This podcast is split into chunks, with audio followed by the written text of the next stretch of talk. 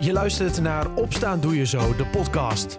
De Zo34-podcast die je elke dag bijpraat over de actualiteit in Zuiders-Drenthe. In een klein kwartier ben jij weer helemaal op de hoogte. Het is woensdag 21 september 2022. Dit is Opstaan Doe Je Zo, de podcast, aflevering 248. Het is een dag met in de ochtend regelmatig zon. En in de middag wisselen zon en wolken elkaar af. Het blijft droog vandaag met een graad of 18. Met in het Zuidoost-Drentse nieuws. Het was gisteravond druk bij het aanmeldcentrum in Terapel. Er bivakkeerden ruim 200 asielzoekers urenlang voor de poort. En dat terwijl asielzoekers inmiddels op meerdere plekken ondergebracht kunnen worden. Kort voor middernacht werden uiteindelijk de laatste wachtenden naar binnen gelaten.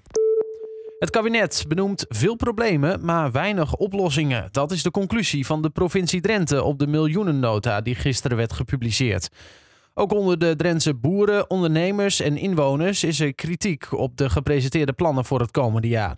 Zo vinden de boeren dat ze geen perspectief te horen hebben gekregen. Hetzelfde geldt voor eigenaren van middelgrote ondernemingen.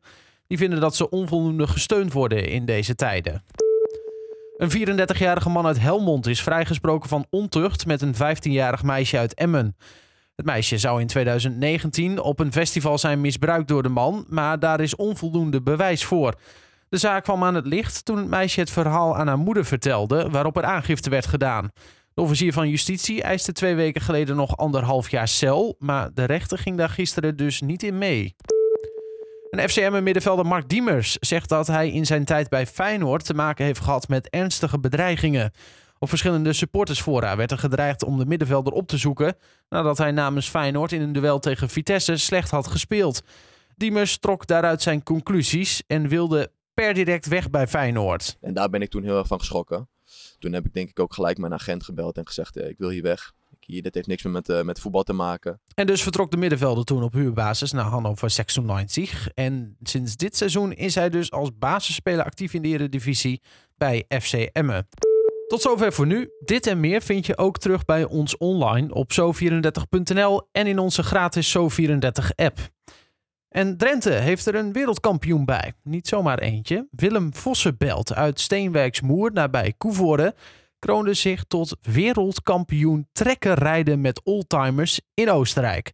Verslaggever Dylan de Lange zocht hem op toen hij net weer terug was uit dat land. Wereldkampioen mag ik wel zeggen. Klopt, wereldkampioen met de, met de tractor, met de oldtimers geworden. Hoe is dat zo gekomen? Ja, dat, is- dat is, eh, hoe is dat zo gekomen? Eh, we vonden het... eh, we waren in het verleden met onze familie wel eens op vakantie in het dorpje in de zomer. En dan stonden altijd de borden klaar van tractor veldmaatjesjacht. En dan zeiden we, we moeten er toch nog een keer naartoe. We hebben hier iets met trekkers. En eh, alleen er kwam er nooit van. En voor een jaar of vijf terug, toen zat ik met een kameraad in januari aan de tafel. En dan zei ik van, we geven ons gewoon op, dan moeten we er ook naartoe. Ja, dan heb je geen keus. En eh, ja, daar heb ik er wel een bosje van. En eh, ik kon er wel één uitkiezen. Toen ben ik maar een hele grote geweest. Toen zijn we er ook met de trekker naartoe gereden. Dus met de, gewoon fysiek met de trekker er naartoe gereden. En eh, ja, dat was het eerste, maar dan ben je verslaafd en dan moet je elk jaar er naartoe. En eh, die, het wedstrijdverhaal, ja, dat snapten we het eerste jaar al helemaal niet. Hadden we niet eens naar gekeken eigenlijk. En het tweede jaar een klein beetje. En eh, toen was het een jaar corona. Vorig jaar zijn we toen weer geweest. Ja, want En- in het, in het kort, hè, voor de mensen die er niet, zoals ik, die er niet verstand van hebben. Eh, wat is de wedstrijd eigenlijk? Je, je hebt een berg. Je hebt een berg en dan, daar, eh, de Groot-Sloknerberg. En eh, daar is een stra één straat naar boven toe. En eh, die is, ik weet niet eens hoeveel kilometer die is, maar een kilometer of 18 geloof ik. Die wordt in, in delen geknipt. En daar staan eh tijdwaarnemers bij. En je moet het eerste en het tweede deel, de gemiddelde snelheid, precies hetzelfde hebben. En dat is niet zo makkelijk als hier in Nederland, want het is hier allemaal vlak en je zit hem op handgas en dat ding dat doet het. Daar moet je soms twee keer terugschakelen, anders komt hij niet omhoog. Zo stijl gaat hij omhoog, zeg maar. En helemaal Maar- met die oldtimers. en ook met die oldtimers, het is natuurlijk allemaal, eh, het is al niet nieuw en het is eh, veel lichter. Dit ding, ding is eh, 38 pk. En eh tegenwoordig een trekker is, is een paar honderd pk. Die gaat gewoon omhoog. En dan moet die tijd tussen eh, deel 1 en deel 2 moet zo dicht mogelijk bij elkaar liggen. Eigenlijk hetzelfde zijn, maar dat is niet mogelijk. Zo dicht mogelijk bij elkaar liggen. Dus, en dat, eh, maar je wordt onderweg ook naar boven toe gehinderd door mensen die elkaar inhalen. En je kunt niet, eh, de weg is wel afgesloten, maar soms kom je aanrijden met 15, 16 km per uur, of 18, weet ik wat, wat we reden. En je komt eraan, rijden er al drie naast elkaar, want de wind al twee aan het inhalen. Dus Ja, dus je bent afhankelijk van allerlei factoren, zeg maar. Het is ook een heleboel geluk. Laten we En een goed gevoel. En een goed gevoel. Je moet ongeveer wel die snelheid houden. En dan is het een beetje van geluk hoe die laatste stukjes bij elkaar passen, zeg maar. Maar dat ging bij jou heel goed. Dat ging bij ons heel goed. Dat hadden we niet helemaal verwacht, maar dat ging heel goed. Want we zaten, eh geloof ik, 36 honderdste verschil tussen het eerste en tweede deel. Dus dat, dat is maar heel weinig.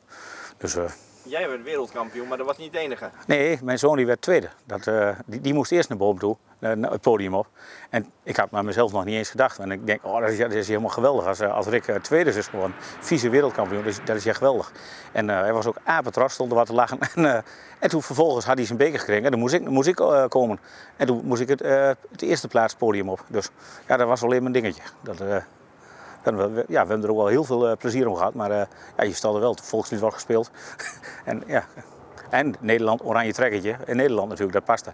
dus dat, eh Hele plaatje compleet. het plaatje compleet. Ja, ja. Ja, Dat, Gefeliciteerd. ja, dankjewel. Mooie prijzen dus voor zowel vader als voor zoon. Er zat overigens helemaal niet zoveel verschil in de stand tussen de twee. Slechts 1 seconde.